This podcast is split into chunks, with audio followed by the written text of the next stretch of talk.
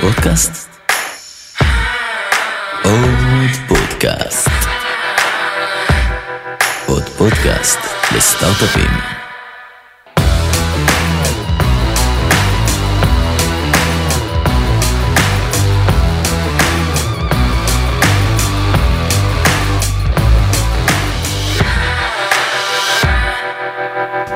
שלום. היי טומי, מה? העניינים פיני? היי חבר'ה, מה נשמע? בסדר, פיני לא מבין למה הוא בא מניו יורק במיוחד בשביל החוויה המזעזעת הזאת. שלום. אז אה, ברוכים זה היה הבאים, כאילו התחלקות על הכיסא ביחד עם שלום זה מה שיצא. תכף. נדבר על בין- ההבדל בין להתחלק ללהחליק, אפרופו זה, אנחנו זה? ראשון, אה, לא. הפרק- אנחנו בפרק ראשון של עונה חמש, עם פיני יקואל, שהוא מייסד ומנכ"ל אופטימוב, ובא אלינו, לא אלינו, בא לישראל במיוחד מניו יורק, ובין היתר התכבדנו לארח אותו פה אצלנו בפודקאסט, בפרק הפותח של העונה החמישית. פיני, ספר קצת על עצמך, עונה ועל... חמישית. אה, אני. בשוק שזה עונה חמישית כאילו אני זה- צריך לתת אחורה כזה כמו שיש בברייקינג בד על כל מה שהיה בעונה הקודמת. הוא ילך, אוקיי. אם נתחיל. פיני מה העניינים? מה נשמע? מה נשמע? ספר קצת על אה, עצמך. כיף להיות פה קודם כל ותודה שהזמנתם אותי. אה, אז אני פיני יקואל, אה, מנכ"ל ומייסד אופטימוב, בן 40. אתה בן 40, אני ממש חברים אתם לא רואים, כן? אבל אה, הוא נראה בין בין 32 ל-34 וזה ביום רע. תודה, אתה נורא חמוד, תמשיך. אבל אה, כן, אני בן 40 וממש בשיא המשבר, אם אתם רוצים להיכנס לזה.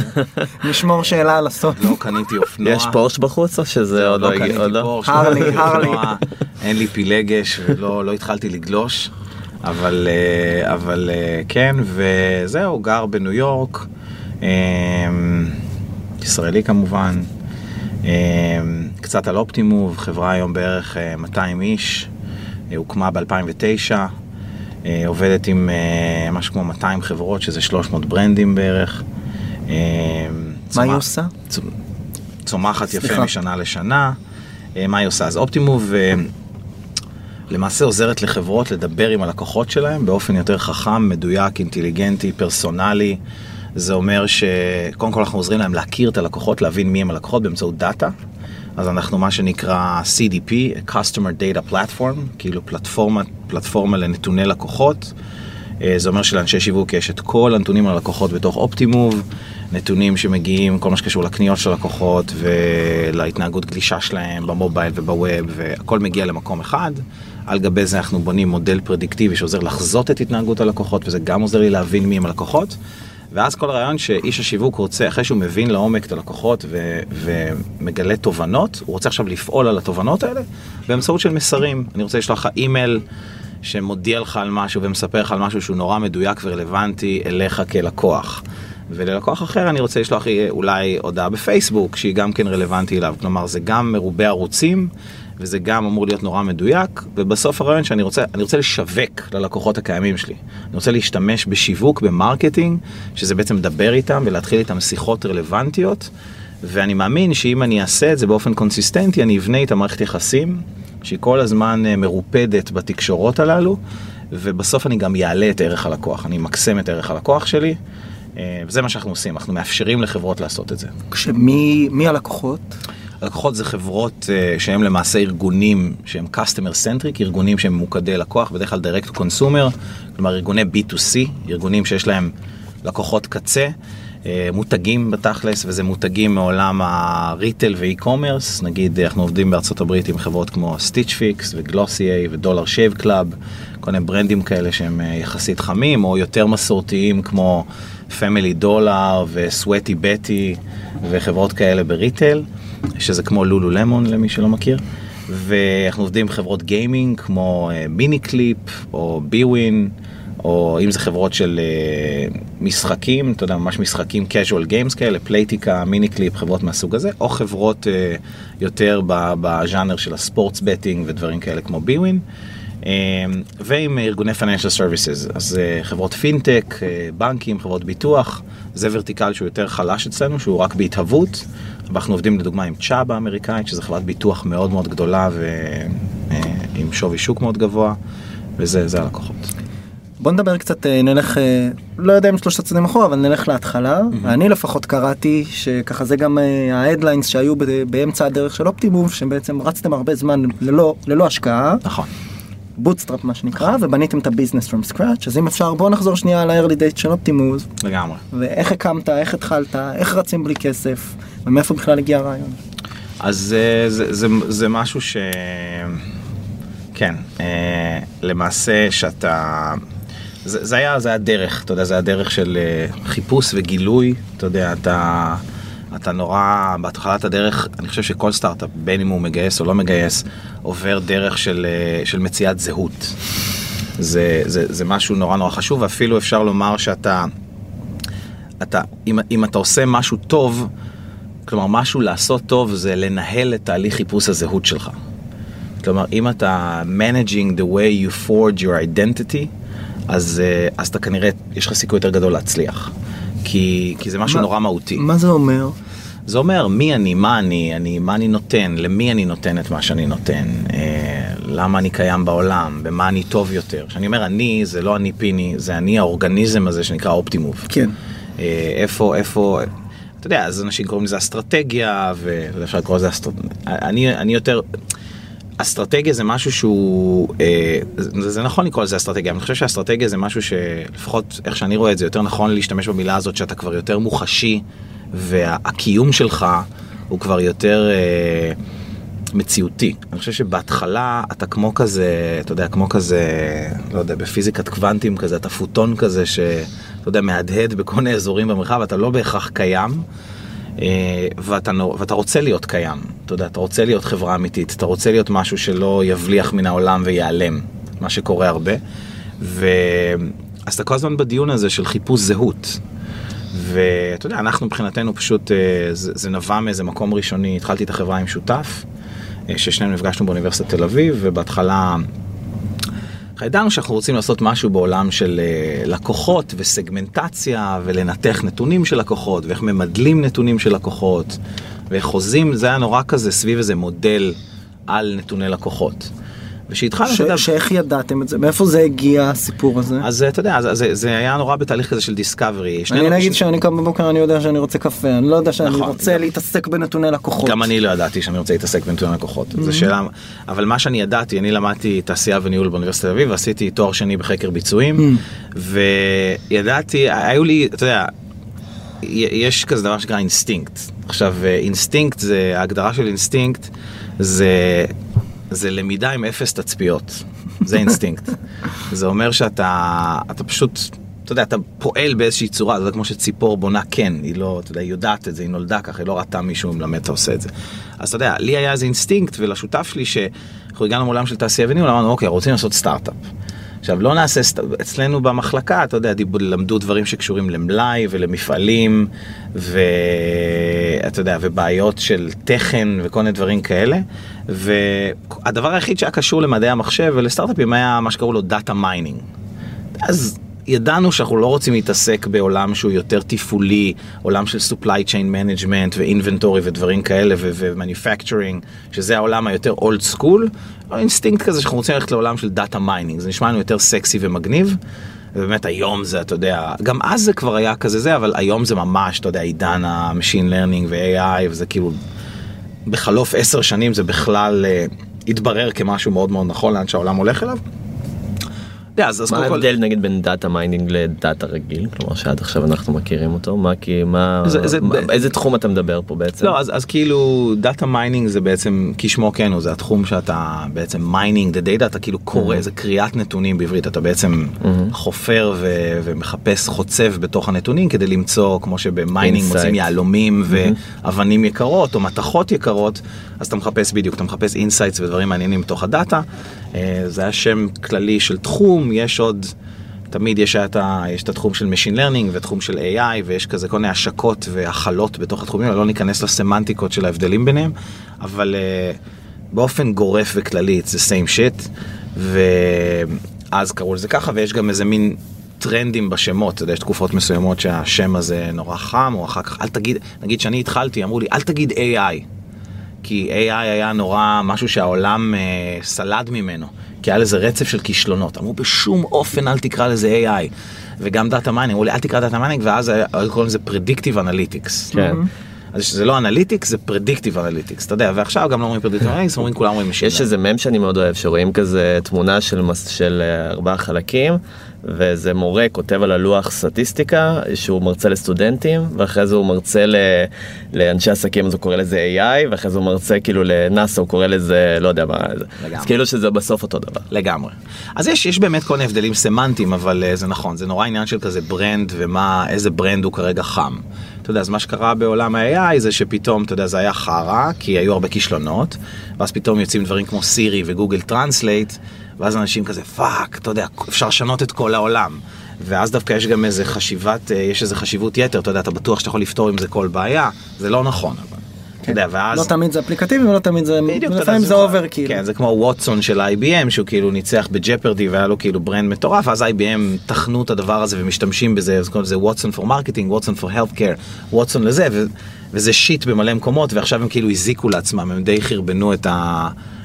את של הדבר. המותג, את המותג, זה היה מותג מדהים, אתה יודע, אחרי הניצחון הזה בג'פרדי וזה. אז אה, אז, אז שנייה כן. במעבר אחד דווקא התחלנו מעולם הדאטה, בדיוק, עשינו, אה, לקחנו אה. לקחנו משיק. כן, לקחנו משיק באתם עם רעיון ספציפי? עם... אז- אז או זהו. פשוט אמרתם יש עולם ש...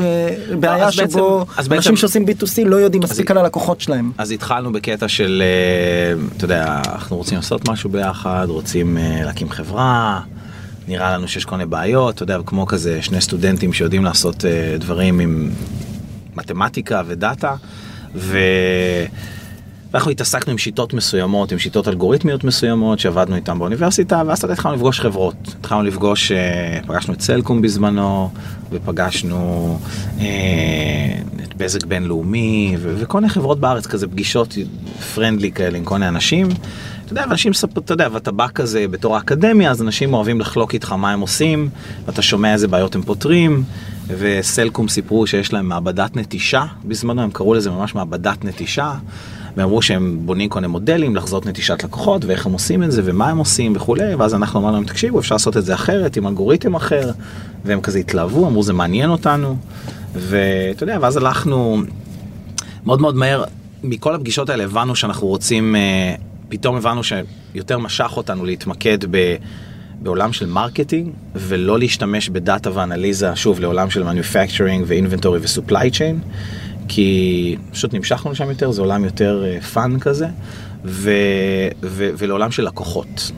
אז מאוד מהר זה יתפקס סביב customer analytics. למה? אתה יודע, כי אתה, אתה רואה, אתה תואם, אתה מסתכל, אתה מרגיש יותר נכון, אפרופו בניית זהות, אתה יודע, זה מין החלטה ראשונה כזאת של בניית זהות. אז אתה, אז אתה מתפקס לשם, ואז אתה פתאום, אה, אתה פתאום רואה שאוקיי, אז איזה בעיות יש לפתור פה, אתה יודע, אז פתאום אתה, אתה מבין שסגמנטציה, it's a big deal, אתה יודע, זה בעיה רצינית. עכשיו, סגמנטציה התחילה בעולם היסטורית ממשהו אסטרטגי כזה, אני מפלח את הלקוחות שלי, ואם אני באמת עובד בחברת סלולר, אתה יודע, אז יש לי סגמנט חיילים, סגמנט סטודנטים, סגמנט משפחות, אתה יודע, זה פילוח. זה משהו יותר כזה גס מאוד, אתה יודע, אבל עדיין מאוד שימושי ומאוד אפקטיבי. ואצלנו זה יתרגם לממש פר לקוח לקוח, אתה יודע, גם קראו לזה אז בארץ, קראו לזה. כל- הנה כל הלקוחות שמדברים אה, הרבה בחודש, הנה כל נכון, הלקוחות בדיוק. שמאוד אינטראקטיביים עם בדיוק, המוצר אז זה. כבר יורד ממש ל... אתה יודע, כל- גרנולריות מאוד בדיוק, מדויקת. תחשוב שכל לקוח הופך לשורה באקסל, שאתה יכול לקרוא עליו את כל, ה... את כל ה... את הפרופיל שלו, להבין מי הוא, ואז אתה יודע, אתה משחק עם זה איך שאתה רוצה. עכשיו, אז זה היה נשמע, אז זה היה, לא היה את זה כמעט. ומצחיק, כשאנחנו יצאנו מהאוניברסיטה, אתה יודע, גם לא הכרנו דברים אחרים, זה נראה נורא טריוויאלי ופשוט, לא הבנתי למה חברות לא עושות את זה. ואתה יודע, אבל הם לא עשו את זה, אמ, וככה זה התחיל, אה, ככה זה התחיל. ומה עשיתם בהתחלה? בניתם מוצר? באתם עם איזשהו פיץ' יפה. לסלקום ואמרתם להם יש לנו מוצר קוראים לו הופ- אופטימוב ככה אז- קראו אז לא לזה קראו וזה מה לזה, זה... נכון, אז, אז לא קראו לזה אופטימוב, אופטימוב, אתה יודע, אז התחלנו בעצם, מה שקרה לנו זה שהמשכנו את הפגישות הללו, ואז אה, חלק מהפגישות הפכו גם למין שאנחנו מוכרים פרויקט. אז הפרויקט הראשון מכרנו ל... היו, היה גם תהליך של חיפוש, בהתחלה גם עשינו אפילו פרויקטים שלא קשורים ל-customer marketing ול-customer analytics, זה היה יותר דברים שקשורים לקול סנטרים, אתה יודע, אתה, אתה מתחיל להתגלגל, אתה יודע, אז אתה קצת אה, לומד אה, לעשות פרויקט, לעבוד עם לקוח, להוציא חשבונית. אני זוכר שפעם ראשונה אמרו לי, אמרו לי, זה, זה מצחיק, כן, אבל אתה יודע, אתה במצב שאתה ירוק כמו... לא יודע כמו מה, מאוד ירוק. ובוסר בטירוף, אתה יודע, אז, אה, אז בעצם אה, הלקוח הראשון שלנו, אתה יודע, אז הם, הם שלחנו להם כזה הצעת מחיר, שנינו כזה, בזה, מה, איך כותבים הצעת מחיר, אתה יודע, אנחנו מתחילים כזה להסתכל, לחשוב, דנים בזה שעות, מתווכחים על פסקה, אתה יודע, על כל מילה, אל תרשום את זה, תרשום את זה. שרית הצעת מחיר, מתקשרת חזרה, אומרת, אחלה, זה מאושר, אני שולח לך את זה חתום, תשלח לי חשבונית כבר. אני אומר לה, 100%, מנתק, אחר כך מתקשר לרואה חשבון שלי, מה זה חשבונית? אתה יודע, לגמרי, בקטע של, זה ממש עד כדי כך. ו... אז התחלנו ככה להתגלגל, לעשות פרויקטים, ואחד הפרויקטים הראשונים שהיה גם מעניין, מעניין ממש זה, אתה יודע, התחלנו לעבוד עם המכרז של המדינה, שהיה להם מין database כזה של כל האנשים שהיו קונים מחוברות. ואתה יודע, זה סוג של קאטה, היום אני מבין, זה קטלוג ביזנס, אתה יודע שבחו"ל יש הרבה, אבל בארץ הם היו אחד היחידים, אתה יודע, זה קטלוג ביזנס, אבל היה להם דאטאבייס מטורף של כל הלקוחות וכל משכנה, תנו לנו את הדאטאבייס, עשינו על זה כל מיני ניתוחים, עשינו את הפרויקטים, וואלה שופס עשינו פרויקט, אתה יודע, אז התחלנו לגלגל ביזנס של סרוויסס, שהוא בתכלס עושה customer analytics לחברות.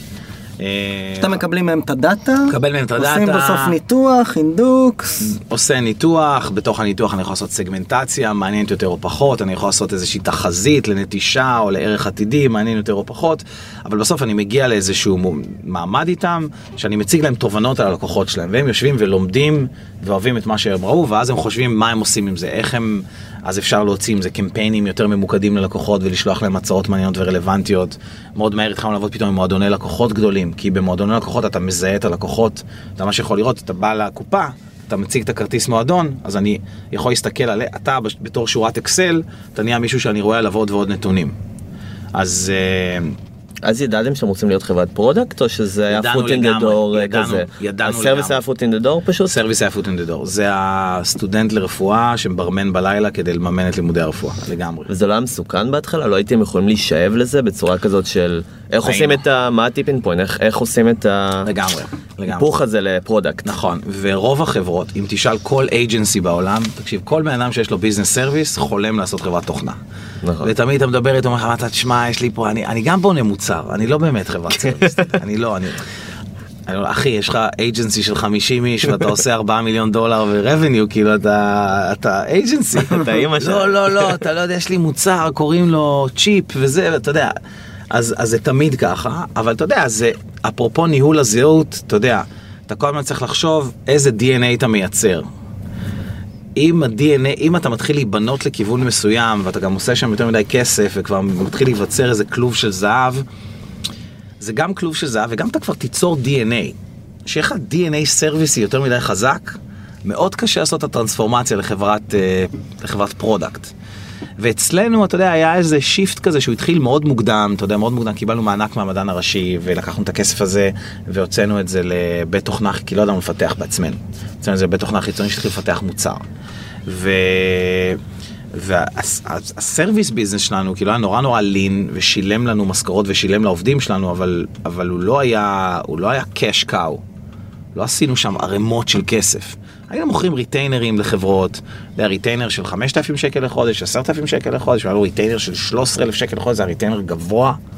אה, דברים כאלה, אתה יודע, והיה לנו 10-15 לקוחות בארץ, אתה יודע, 12, לא יודע, עשינו, אני חושב שבשלב מסוים הגענו כזה, שזה הגיע כזה יחסית לשיאו, לפני שהפכנו לאופטימוב, לדעתי עשינו איזה 3 מיליון שקל, זה היה הסך ההכנסות.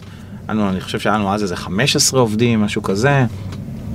אתה יודע, אבל היינו נורא נורא לין, אז כל הזמן היה לנו כסף גם uh, להמשיך לפתח, אז גייסנו מתכנת אחד ושני ושלישי, והם לקחו את הקוד של, ה, של מה שאז בנינו עם הבית תוכנה החיצוני, הם לקחו את הקוד הזה, והתחילו לעבוד עליו ושכלל אותו, ואז אתה יודע, ואז אתה מוציא, עכשיו, השנים בסרוויס גם נורא מלמדות אותך מה אתה רוצה לבנות. אתה כאילו נורא מבין את השוק, ואתה חשוף לפיינפוינט של השוק. בדיוק, אתה עובד עם... אתה עושה את מה שהמוצר אמור לעשות באופן ידני. נכון, לחלוטין ככה, לחלוטין ככה. זה בעצם סוג של MVP על סטרואידים. בעצם. נכון. אפשר אני ל- אופ- ל- אני- זה סיד מאני באיזשהו מקום, זה נותן לך כן. את הסיד או אפילו את ה-A, זה כמו סיד וראונד A, ושאתה מממן לבד. ואתה, נכון, ואתה עובד עם השוק. אתה יודע, and you should be careful, אתה יודע, שלא באמת פתאום תהפוך ל-fully fledged agency. בדיוק. ואז אתה כאילו, אתה לעולם לא תצליח להתהפך בחזרה. זה מין כזה, אפרופו ניהול זהות. יש לך כזה, איזה מין רגע כזה ששתי דלתות נפתחות, ועוד שנייה אחת מהן תיסגר. ואתה יודע, אני זוכר את עצמי, אבל אתה יודע, זה בסוף עניין כזה של אה, מה אתה רוצה להיות, אתה יודע, מה אתה רוצה להיות, ואתה יודע, אתם ידעתם מלכתחילה מלכתחילה רשמנו? שישבנו, אתה יודע, ישבנו ביחד אחרי שבוע שהתחלנו וכתבנו, קראנו לזה מוביוס לאן, כי קראו לנו מוביוס, היה לנו נייר כזה, כאילו וורד, שקוראים לו מוביוס לאן, ו... שהוא מסתכם באיזה שתי פסקאות, אבל היה כתוב שם במפורש שאנחנו רוצים להיות חברת תוכנה. אתה יודע, כי זה הדבר... למה אבל? למה? כי זה מה ש... אתה יודע, זה סוג של אה, תסביך גיבור כזה, אתה רוצה לעשות את הדבר ה... אבל בגלל scale, כי אתה אומר יש תקרת זכוכית ב service, אתה לא לגמרי, יכול... אה, לגמרי. כלומר אי אפשר לדמיין מעניין, שאתה... כי זה יותר mhm. מעניין, זה יותר מאתגר, זה יותר, אתה יודע, יותר מעניין ומאתגר לבנות מוצר. וכן, זה יותר רווחי, וזה מאפשר scale יותר גדול, ומאפשר מספרים אחרים, וזה... אתה בסוף יכול להיות אופטימוב. כאילו, מה שבאמת קרה.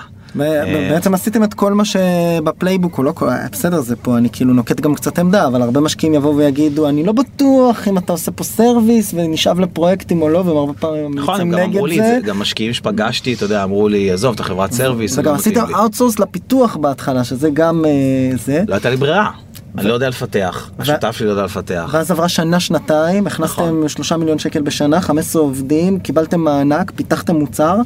מה קרה? מתי, איך, בוא תאר את ה shift הזה רגע. אין shift, זה, זה משהו... לא רגע אחד בזמן, בדיוק, הרי. בדיוק, זה משהו שרוב האנושות, הפחות, בעיקר אנשים צעירים, וגם אני ביניהם שהייתי יותר צעיר, אתה תמיד אומר, אתה תמיד קורא כזה סיפורים, זאת העסקה שהעלתה אותי על הסוס. אתה מכיר את הדברים האלה? כן, זה benchmark כזה. אין עסקה כזאת. כן. כאילו אין עסקה אחת ש... תמיד אתה קורא בעיתונות, החברה, ד, ד, ד, אתה יודע, החברה, הסינדרלה מיוקנעם, שהפכה לחברה של שלושים, ביום שהתקשורת כותבת עליהם שהיא הסינדרלה מיוקנעם, היא כבר עובדת עשר שנים על זה. כלומר, זה לא, זה קורה בעיתונות ביום אחד, אבל זה לא קורה ביום אחד. וגם אותו דבר, היה shifting בין ה service business ל software business. זאת אומרת התחלתם למכור את התוכנה? התחלנו למכור את התוכנה, והשארנו את ה service כי זה עשה כסף, אנחנו רוצים את הכסף הזה כדי להמשיך עוד יותר לפתח את התוכנה. ולאט לאט, אתה יודע, ה service business הולך ומת, לא בבת אחת.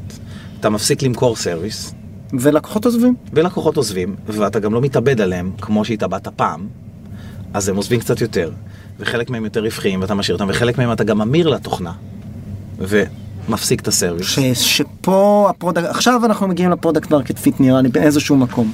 נכון. אתה בא ואומר להם חברים, מה, במקום לשלם אה, עשרת אלפים שקל בחודש בואו תשלמו קצת פחות בדולרים. ותקבלו תוכנה ותעשו הכל אצלכם בבית בהצלחה?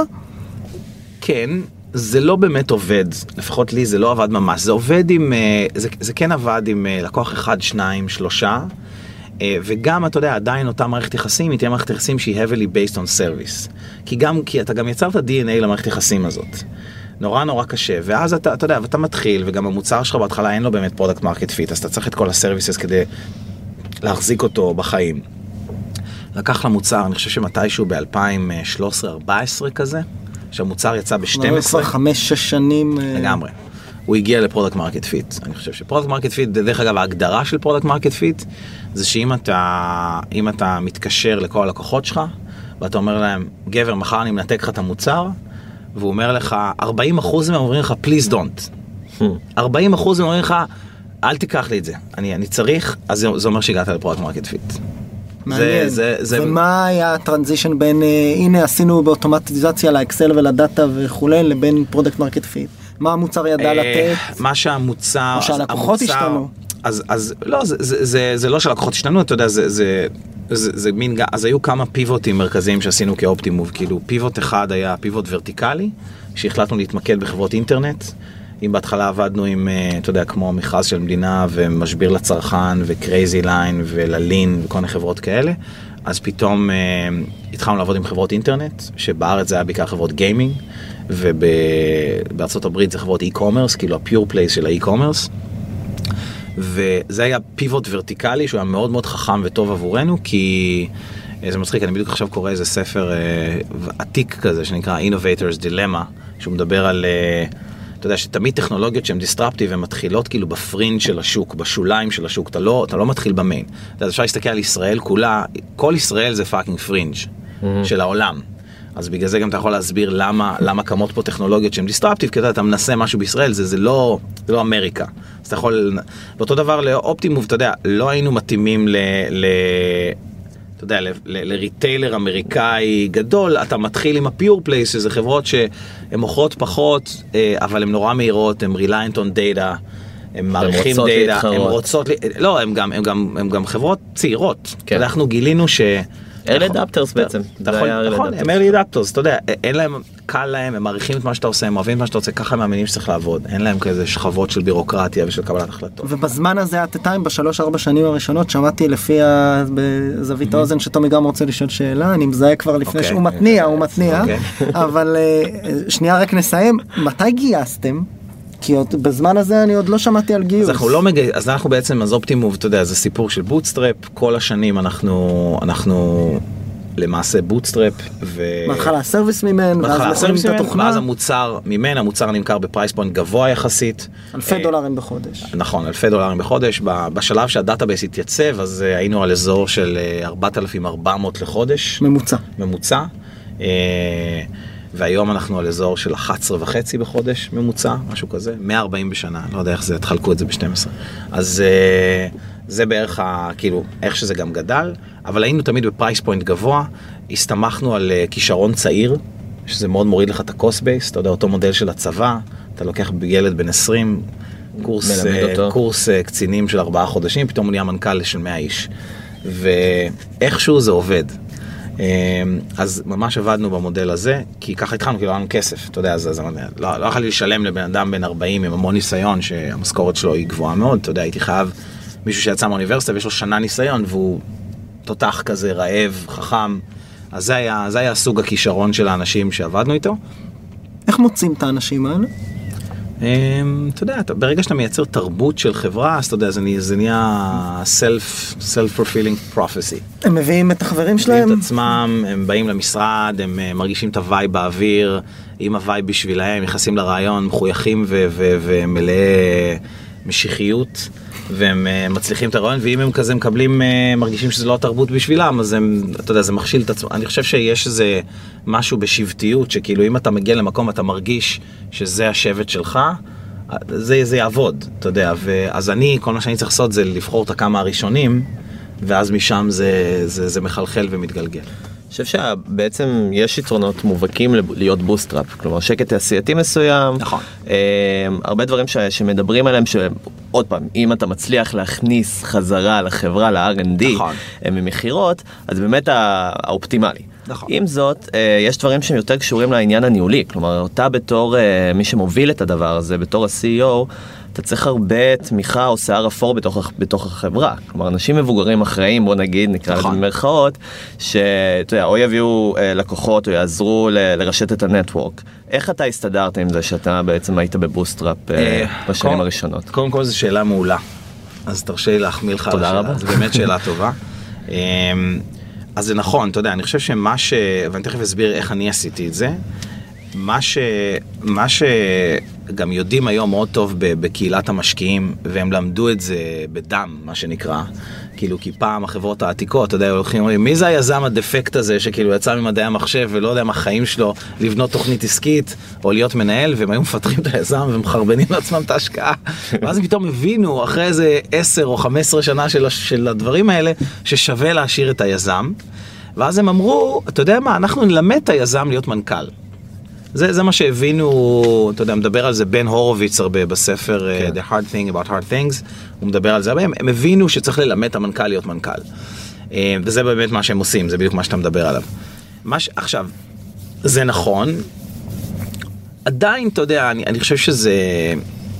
זה נכון, אבל הם כאילו, הם כאילו מי, הם כאילו נמצאים שם כדי לעשות mentorship למנכ"ל, אבל גם, אבל גם המנכ"ל מרגיש, יש שם גם איזה אגרופן כזה מעל הראש שלו בעת ובעונה אחת, כלומר יש שם איזה יד מלטפת, אבל כאילו הוא רואה יש את ה- מקל ויש גזר. יש מקל וגזר, הוא רואה את הלחץ, הוא יודע שהוא צריך to perform, הוא יודע שהוא צריך, אתה יודע, ולפעמים אה, סטארט-אפים במקום מסוים שהם עוד לא מוכנים, אתה יודע, יכול להיות שהם צריכים עוד שנה, שנתיים, שלוש כדי להבשיל. ולמשקיעים הרבה פעמים לא את הסבלנות הזאת. ואני תמיד טוען שהרבה פעמים יכול להיות שיש חברות מאוד טובות שכאילו פשוט נהרגות. אה, מה שאני עשיתי לשאלתך, זה תמיד, תמיד דאגתי, אתה, אתה יכול כאילו להשיג את המנטורשיפ הזה גם בלי משקיעים. כלומר, בתחילת הדרך, אחד המתכנתים שלי שעבד באיזה חברה בשם אה, אה, טאקט מערכות, שהייתה חברת הייטק ישראלית שנמכרה למטריקס, אז הוא עבד שם, אז הוא היה בקשר עם היזמים, אז הוא חיבר אותי ליזמים של טאקט מערכות, שזה שני, אתה יודע, שיער לבן כזה, עם הרבה הרבה ניסיון, מכרו הרבה לתעשיות ביטחוניות, אתה יודע, אז עבדתי עם אחד מהם כזה לאיזושהי תקופה. אה, אתה יודע, מתוך רצון של שנינו לעבוד ביחד, ואתה יודע, אז למדתי ממנו והוא תרם לי, ואחר כך אה, אחת הקרנות שפגשתי אותה באיזושהי פגישה רנדומלית, לא, לא משהו ש... לא שיחות של השקעה, אז גם, אז חיברו לי איזה, איזה סוג של מנטור כזה, שעבדתי איתו הרבה הרבה שנים. הרבה הרבה שנים הוא ליווה אותי והוא היה כמו, אתה יודע, סוג של אה, פסיכולוג עסקי ומנטור ומישהו שעוזר לי, אתה יודע, גם, גם, גם פשוט מקשיב לי לפעמים שאני חופר וחופר ושומע מה שאני עובר. אתה יודע, והמניסיון שלו אומר לי, תקשיב, בארצות הברית זה לא עובד ככה, כי מה שיכול לקרות זה, זה, זה אז, אז אתה יכול להשיג את הדברים האלה. כלומר, זה לא... on a friendly basis, מה on a שנקרא. friend, לא, גם, אה, אתה יודע, גם, אתה יודע, עם אקוויטי וכל מיני, אתה יודע, כל מיני מכשירים ו- ו- ודרכים, אתה יודע, או שאתה Advisory משלם board. למישהו, אתה יודע, שאתה משלם, כן, advisory board, אתה יכול להשיג את הדברים האלה. האנשים האלה לא נמצאים רק בקרנות. אם, אם יש לך, כלומר, יש הרבה אנשים טובים שאתה יכול להגיע אליהם, ואנשים שאתה... אתה בניסיון שלך היית מעדיף לשלם למנטור, או לתת. לו equity, או, או להיות פרו בונו בצורה כמו שזה עובד כרגע בתעשייה, שיש המון מנטורים שנותנים את הזמן שלהם גם פרו בונו, אין שם איזה אינטרס אולי... אה, תשמע, מי שייתן את הזמן פרו בונו, הוא ייתן אותו עד לרמה מסוימת. אוקיי? אז זה בסדר, זה אחלה, אתה יודע, אתה גם יכול, אתה מרכיב לעצמך איזושהי קואליציה של אנשים שאתה יכול להתייעץ איתם ולעבוד איתם, אבל באמת, אה, וגם אני חושב שעוד פה, אפרופו אינסטינקטים, כאילו אני באופן כללי, כאילו הקללה שלי והברכה שלי זה שאני מאוד מגוון. אז אה, אתה יודע, אני לא סופר טכנולוגי, אבל אני כן טכנולוגי, אני, אני, אה, אני לא executive אה, של GE, אתה יודע, כזה הכי זה, אבל אני כן executive, אתה יודע, אני לא... אני לא סמנכ"ל משאבי אנוש, אבל יש לי עין מעולה לאנשים ואני יודע לגייס talent. אני יודע להיות סמנכ"ל כספים, אבל אני לא סמנכ"ל כספים. כלומר, יש לי את, ה, את ה skill כדי להיות מנכ"ל bootstrap. כאילו, אני ממש, ואני יכול להגיד את זה בדיעבד, אני לא הבנתי את זה אז. אתה יודע, אבל אני ממש, כאילו, כיצור, אני designed להיות מנכ"ל של bootstrap, בגלל זה זה עבד. ואתה יודע, יכול להיות שמנכ"ל שהוא סופר טכנולוגי, והוא זה וזה וזה, אבל אתה יודע, ב, ב, אתה יודע, אני עשיתי מכירות, את כל, את השלושים עסקאות הראשונות של אופטימוב אני החתמתי בעצמי. אה, את ה marketing באופטימוב, אני בהתחלה למדתי מה זה marketing לבד, אתה יודע, והבנתי שאני טוב בזה. אז, אה, אז היה לי מזל, כאילו שזה התאים לי. אתה יודע, יכול להיות שמנכ"ל אחר, כמו שאני אומר, סופר טכנולוגי או סופר ביזנסי ולא טכנולוגי. ווואלה, זה לא יעבוד, הוא חייב רשת תמיכה הרבה יותר זה, וגם כן לקחתי את התמיכה הזאת. אז כסף בסוף, מתי זה הגיע ו... ומה, הגיע היה, ב- ומה גם היה tipping point שגרם לך להבין, אני מניח אז- שזו הייתה החלטה. אז, אה, אז ה... ה... נכון, זו הייתה החלטה, אז אני חושב שכאילו, תראה, אנחנו היינו רווחים, לא, אנחנו עדיין רווחים כחברה, אה, ותמיד היינו רווחים, ובעצם, אה, אתה יודע, ותמיד יש שאלה, תמיד הביקורת שהייתה עליי, גם מעצמי וגם מהעולם, זה נכון, אתה רווחי, אבל יכולת לצמוח יותר מהר.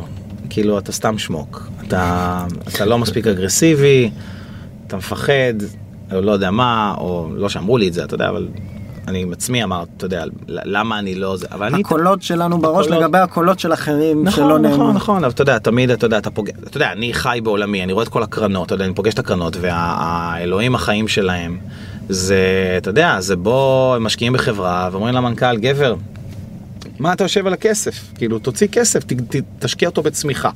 העניין הוא שזה לא תמיד עובד ככה, כלומר, אני תמיד הרגשתי שאם עכשיו אני, ממש הייתה לי אינטואיציה חזקה, שאם אני אשים עוד כסף באיזשהו מקום, אני לא אביא משם עוד צמיחה.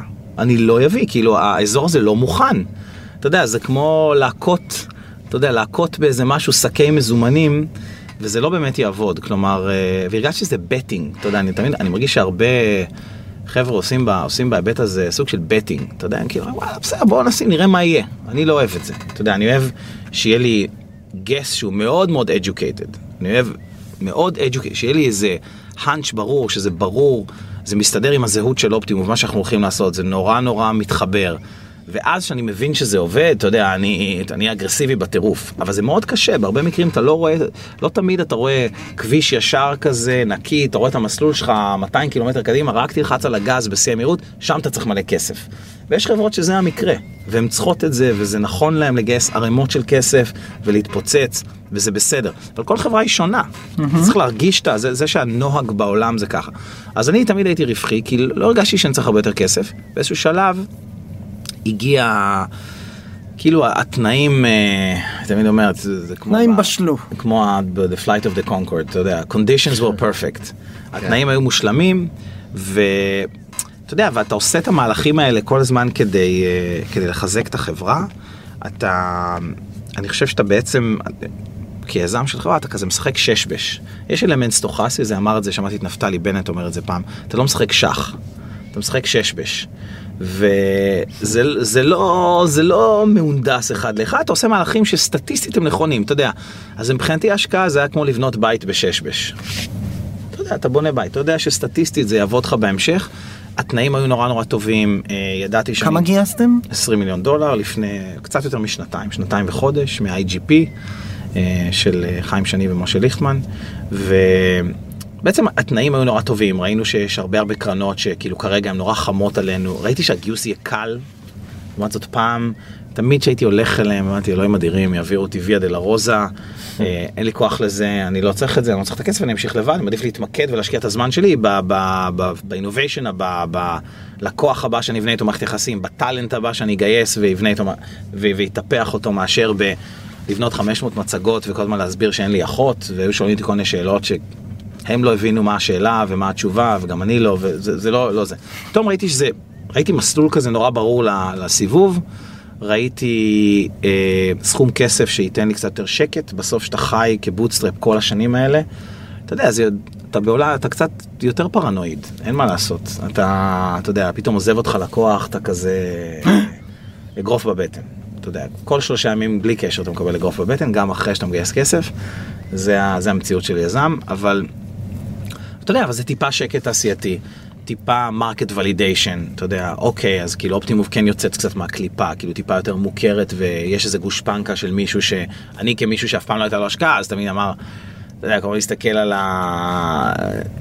טיפה איזה גושפנקה, טיפה הכרה מבחוץ, הכרה. ש... שעוד מישהו אחר אומר לך, זה שווה אני מאמין משהו." בזה, בדיוק, כן. זה שווה משהו, זה בדיוק זה, שאתה לא לבד, אתה יודע, עם היועץ המבוגר שלך, ואתה יודע, לגמרי, וזה גם נותן לך, וגם זה נותן לך כן הזדמנות להיות יותר אגרסיבי והתקפי, אני חושב שהמילה הנכונה לחברות זה התקפי ולא אגרסיבי, אז סליחה שאמרתי אגרסיבי, אבל זה נותן לך הזדמנות להיות יותר התקפי, לדוגמה לקנות חברה, אתה יודע, זה משהו שאנחנו לפני כמה חודשים קנינו חברה, שם Dynamic Mail, של PowerInbox, קנינו חטיבה עסקית, אתה יודע, וקנינו את זה במזומן.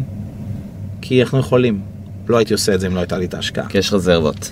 נכון, כי יש, אתה יודע, אז אתה יכול פתאום להגיב, אתה יודע, אתה כמו כזה, אמ, אנחנו הקמנו עיתון שנקרא PostFunnel, שזה עיתון של Optimove כחלק מ-thought leadership, עיתון כאילו, עיתון? דיג- דיגיטלי, אה. לא, אתה יודע, כאילו, כן. content לא-. לא מחלקים את זה כן, ברכבת. לא, כאלה עשינו שלך. cont, כן, אה, יש כזה קופסת פלסטיק בניו יורק, אתה פותח, ו- כאילו content play כזה ב-thought leadership זה משהו שלא הייתי עושה אם לא הייתה את ההשקעה, אתה יודע, אז מיני, זה קצת משנה mindset, אתה יכול להיות טיפה יותר, אה, טיפה פחות קפוץ, כי כ bootstrap אתה בסוף קפוץ.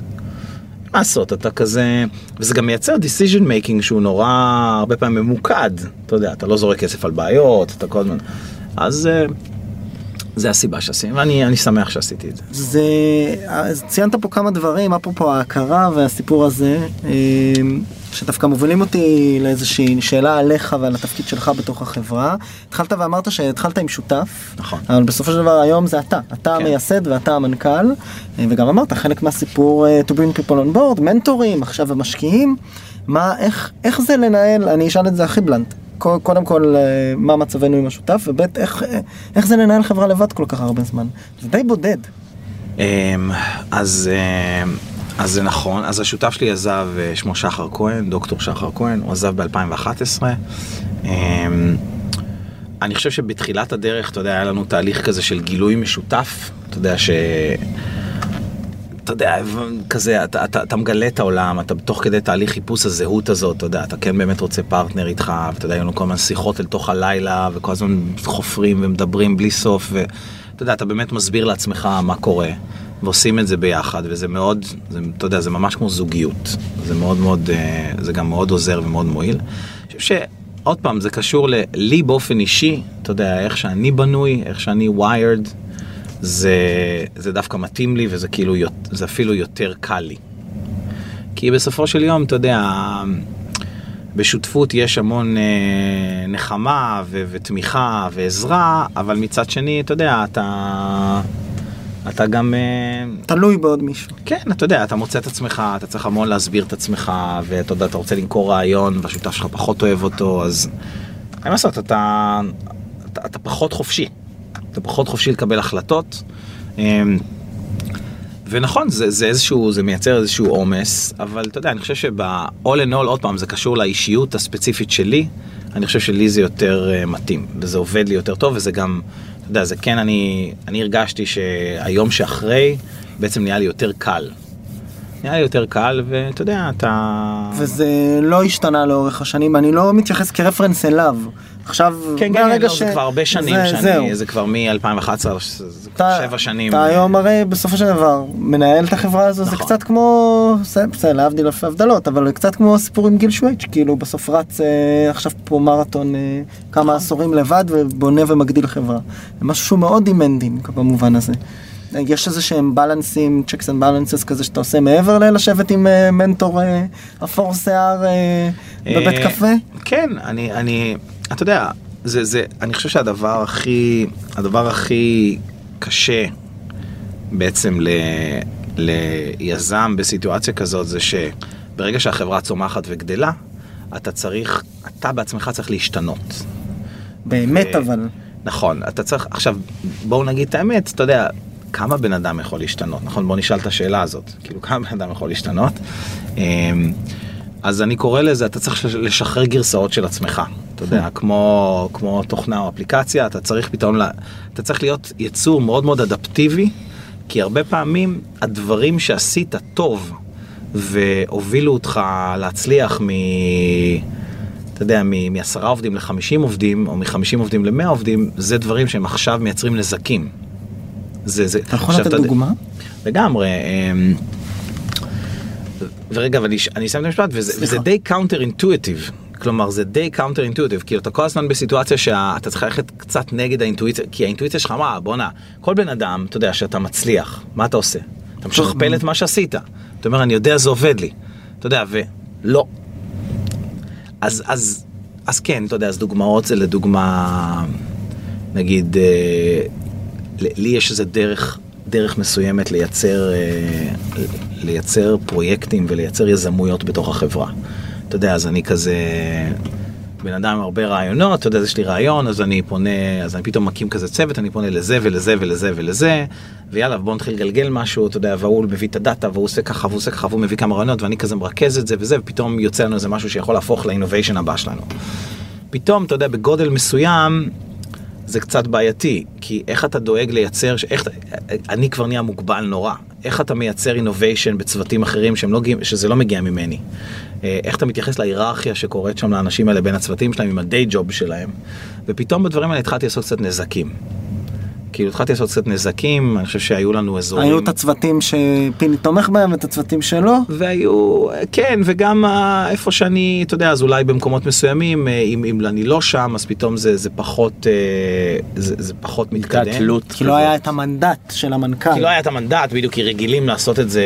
ו- עכשיו, אתה יודע, הד- היכולת שלי, אז, אז, אז אתה אומר, אז, אז בכמה אני, אז פתאום אני הבנתי שאני צריך יותר, אה, אני צריך להזמין יזמות ולא להיות חלק מיזמות. כאילו, אני לא יכול, אני לא יכול להיות על המגרש ולתת פאסים יותר. כאילו, זה- אני, אני חייב, למרות שאני, אתה יודע, אני תמיד הייתי player coach, תמיד הייתי גם על המגרש, כי, כי זה האופי שלי וככה גם בניתי את החברה. אבל פתאום אני צריך להיות מזמין של יזמות ולא לשחק. איך מזמינים לי לשחק? אז אתה יודע, אז בנינו, בני, אז בנינו מכניקה כזאת, שאנחנו, זה מין squad כזה, זה מין צוות שאני מגדיר... כן. אה, טומי מסופק עכשיו, זה היה רעיון- עוד רעיון שנאמר המילה squad. כן. כן, אז זה לא בדיוק, כי squad זה יותר עניין של מתכנתים, האמת כן. שאנחנו נתנו לזה שם פנימי, אבל לא רציתי להשתמש בו, אז אמרתי squad, אבל אה, בנינו, אנחנו קוראים לזה action group, שכאילו, בעצם מה שאנחנו עושים, אנחנו מגדירים, אני בעצם נגיד מזמין את היזמות, אז אני מבקש להקים צוות, אני מגדיר leader לצוות, מוביל לצוות הזה, ואז יש חברי צוות. המוביל הוא כמו דיקטטור שם, כאילו הוא זה ש... והוא מזמין את החברי צוות לא לכל פגישה. והוא לא חייב להיות המפקד, אה, סליחה, לא המפקד, המנהל לא, הישיר של אותם ממש לא, זה אנשים. גם, זה גם יהיה מכמה, זה, זה- multi disciplinary, כן. זה מכמה מחלקות, מכמה זה יהיה מחלקות. product, R&D, יש שם מישהו מ marketing אולי, אתה יודע, זה כאילו זה מעורבב. ו, ואני, או מישהו אחר, יש גם לקוח לאותו זה. אז הלקוח מגיע לזה והוא יכול להעלות דרישות, לקבל... לקוח להניע- חיצוני. חיצוני. שלקוח חיצוני זה יכול להיות אני, זה יכול להיות ה-VP marketing, זה יכול להיות אה, זה, וה leader צריך בהתאם לזה, ואז כאילו זה מנגנון שהמצאנו כדי להזמין באיך לבנות משהו, אבל אני אשאל את השאלות אולי, אתה יודע, כדי כן למנף בסוף את הידע שלי. אבל יש, יש מקומות שכאילו, עכשיו גם כשאתה טועה ואתה לא משתנה נגיד, כשהחברה גדלה, אוקיי, אז נגיד אתה, נגיד אתה לא משתנה, אז, אז אתה מתחיל לייצר קצת נזק. השאלה, אני תמיד אומר, העולם ייתן לך הזדמנות להשתנות. השאלה, אבל אתה צריך מתישהו להשתנות. כלומר, אוקיי, אז אתה תקבל גרייס, בסדר, החברה תספוג חצי שנה של נזק שיצרת. אמ, אפילו אני חושב שהיה לנו אזור מסוים ב, ב, בחברה שבגלל שלא עשיתי משהו מספיק מהר, אתה יודע, אז, אז נוצר עוד יותר נזק. אבל בסוף השאלה אם אתה מתפתח ועושה את השינוי. ואם תעשה את זה בסוף ולא, אתה יודע, יש, אני חושב שיש הרבה מנהלים, אה, שאתה יודע שהקיבעון, הם רוכבים על הקיבעון, אתה יודע, יש אינסוף סיפורים, ב, ב, אתה יודע, על כל החברות שלא יודע, נוקיה, שאמרו שה... שאייפון לא יצליח כי הטלפון עצמו לא טוב. אתה מזכיר, יש איזה ציטוט מפורסם של המנכ"ל של נוקיה שאומר, זה חרא טלפון, זה לא יצליח. יכול להיות שבאמת שהוא... אבל אתה יודע, אנשים שרוכבים על הקיבעון אה, עד הסוף ועד ל- למוות בסוף של הדבר. וזה דיברנו בתחילת הפרק, שאמרנו שאתה הזכרת שבאמת הרבה משקיעים בוחרים להחליף את המנכ"ל בגלל שיש איזה skill שונה מההתחלה של חברה ל scale של נכון. חברה. ואז דיברת בעצם על בתור הקטליזטור של החברה ב- ב- בגדילה הזאתי, שאתה יכול לעשות גם אופטימיזציה לעצמך, אתה יכול בעצם לשדרג את הגרסה של עצמך. נכון. איך אתה עושה את זה? מאיפה, מאיפה אתה לוקח את הרעיונות? נגיד לעניין של ה squad הזה שאמרת. איך אתה בעצם לומד שאתה בתוך העשייה כל הזמן?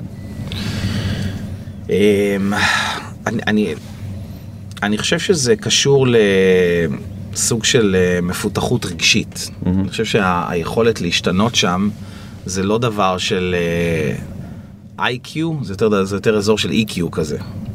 כי אתה, אתה יודע, זה בסוף עניינים של אגו, זה עניינים של אה, להסתכל על עצמך במראה ולהגיד, אני לא טוב בזה. אני צריך מישהו אחר שיעזור לי. זה המון פתיחות. אני, אני חושב שכאילו אנשים צריכים להיות, אה, זה עניין של התפתחות. אתה יודע, אם החברה רוצה להתפתח, היזם צריך להתפתח. היזם לא יתפתח, או היזמים כקבוצה, החברה לא תתפתח. ואתה יודע, אני, אני, אני חושב ש... אה, אני חושב שאני באופן כללי כבן אדם, אתה יודע, הייתי רוצה להאמין שאני יחסית יצור משתנה. אני יחסית יודע לשחרר את הגרסאות האלה. יש לנו גם הרבה עובדים בחברה שאני רואה, גם, אתה יודע, זה אותו דבר עם, אוקיי, בוא ניקח את זה לדוגמה אפילו יותר פשוטה. יש לך את העובדים שהביאו אותך עד ל-X, ואתה שואל האם זה אותם אנשים שיביאו אותך עד ל-Y, נכון? הטאלנטים בחברה, ה... ה-VP R&D שהביא אותך מפה לפה, האם הוא ה-VP R&D שהביא אותך, אתה יודע, אתה מסתכל על זה גם על האנשים, וגם אתה רואה ב... ויש מצד אחד, מצד שני, יש עובדים שהם היו העובד החמישי בחברה, והיום הם מנהלים 60 אנשים. והם עושים את זה מעולה, אתה יכול לקחת אותם והם ינהלו 60 אנשים ב-IBM, וזה גם יעבוד. איך הם עושים את זה? אותו דבר, זה אנשים מתפתחים. אתה יודע, יש אנשים שהם פתאום מבינים, אומרים, תשמע, אתה יודע, והם גם מדברים איתי, אומרים, תקשיב, זה לא יעבוד לנו יותר, אתה יודע, אתה כל הזמן רואה אותם משחררים גרסה. אה, ויש עובדים אחרים שהם לא משחררים גרסה, אומרים, יאללה, בואו, אה, אתה יודע, הם, הם, הם עדיין נשארים עם מה זאת אומרת? העובדה שזה עבד לנו אז, והם גם לא מבינים, הם גם כאילו מסבירים שהם הם מסבירים למה, אם הם ישנו את מה שהיה אז, הם מסבירים איפה יש מחלות בזה, ואיפה זה ייכשל, ו... אתה ממש רואה את זה, זה לא רק, אתה יודע, זה, זה תכונה אנושית, זה לא רק, זה לא רק היזם. זה, זה, בחברה צומחת, אתה יודע, אז כל הזמן האנשים בעצם, אתה יודע, אנשים טובים נדחפים למעלה, נכון? הם נדחפים כזה למעלה, נכון. עם החברה, ויש את מה שנקרא את ה Peter syndrome, שעל שם איזה חוקר שהשם משפחה שלו היה פיטר או משהו כזה, או השם הפרטי שלו היה פיטר, אבל שזה אומר שהתפקיד האחרון שאתה עושה זה תפקיד שאתה עושה חרא. נכון. נכון? כי בעצם בתפקיד האחרון, אתה יודע, דחפו אותך למעלה, למה דחפו אותך למעלה? כי היית טוב. התפקיד האחרון, אתה כבר לא נדחף למעלה, אתה כבר איכשהו אתה לא נשאר- משהו, התפ- זה לא התפקיד האחרון, התפקיד שאתה נשאר בו. שאתה נשאר בו, תפקיד כי שאתה זה לא לא שאתה טוב. מפוטר, אתה פשוט תקוע שם. לפעמים אתה מפוטר. נכון, כן, זה, אתה אבל כאילו נכון? הטרגדיה. נכון, אתה מפוטר או מתפטר, זה לא משנה, אבל כן. אתה כאילו מגיע למקום שאתה אומר, אוקיי, הייתי, הייתי טוב כמנג'ר, דירקטור, VP, אה, פתאום הגעתי לאיזה מקום, ואני כבר, אני כבר לא יודע איך לעשות את זה, אתה יודע, אז אני חושב שגם אה, עובדים שמנהלים את הקריירה שלהם, הרבה פעמים הם מאוד, אה, אתה יודע, זה לפעמים מסוכן לקחת קידום. אולי אתה צריך עוד איזה שנה להשתפשף ולבנות סקילסט לפני שאתה עולה לשם. אה, אז, אה, אז, אז אותו דבר בסוף, אני חושב שליזם ול... זה ממש אותו דבר, וזה... אני לא יודע, אני חושב שיש כאלה שיש להם את זה ויש כאלה שאין להם את זה, ממה שאני רואה באנשים. אני בסוף ככה הייתי באמת אה, מתמצת את זה. עברת לניו יורק לפני כמה זמן, שנתיים וחצי. וגייסתם את הכסף, מה מה ה vision? לאן כל זה הולך בעצם? מה ה vision? אה, זו תמיד, זו תמיד שאלה שאני, שאני קצת נבוך ביחס אליה, למרות שאני מאוד נדרש אליה. כאילו כל המהות של התפקיד, זה, הרבה מהמהות של התפקיד זה להציג vision. אבל אה, אני למעשה רוצה למצות את הפוטנציאל של אופטימוב, לקחת את זה למקום אה, הכי מפואר שאופטימוב יכולה להגיע אליו. אה, זה לא... ב... כל עוד אני כן שומר על אותה זהות. כלומר, אני לא הייתי רוצה במרכאות לחרבן את אופטימוב למטרות אה, פיננסיות. אה, כן, הייתי רוצה, אתה יודע, יש לי קשר רגשי בסוף למה שנבנה ומה שנעשה, והייתי רוצה לראות את הדבר הזה מגיע למקום הכי מפואר שהוא יכול להגיע אליו. עכשיו, אתה יודע, אז בסוף זה, בסוף יש את ה vision העסקי, שזה, שמבחינת כאופטימוב אנחנו רוצים להיות. ה-number one vendor of choice ל- לארגוני CRM marketing, לארגונים שעושים CRM marketing, ואנחנו רוצים לעשות את זה באמצעות זה שאנחנו נפתור להם יותר ויותר בעיות שם, ונהיה vendor מאוד uh, הוליסטי שפותר להם את כל הבעיות במקום הזה. וזה זה מבחינת ה vision העסקי, מבחינת uh, מטרה פיננסית, אתה יודע, אז uh, מסמנים את ה-100 מיליון דולר הכנסות כמשהו שאתה רוצה לעבור, זה כזה מכניס אותך למועדון ה unicorn, בהנחה שאתה צומח גם מספיק מהר, אז זה גם כן משהו שאנחנו מסתכלים עליו כזה בערגה.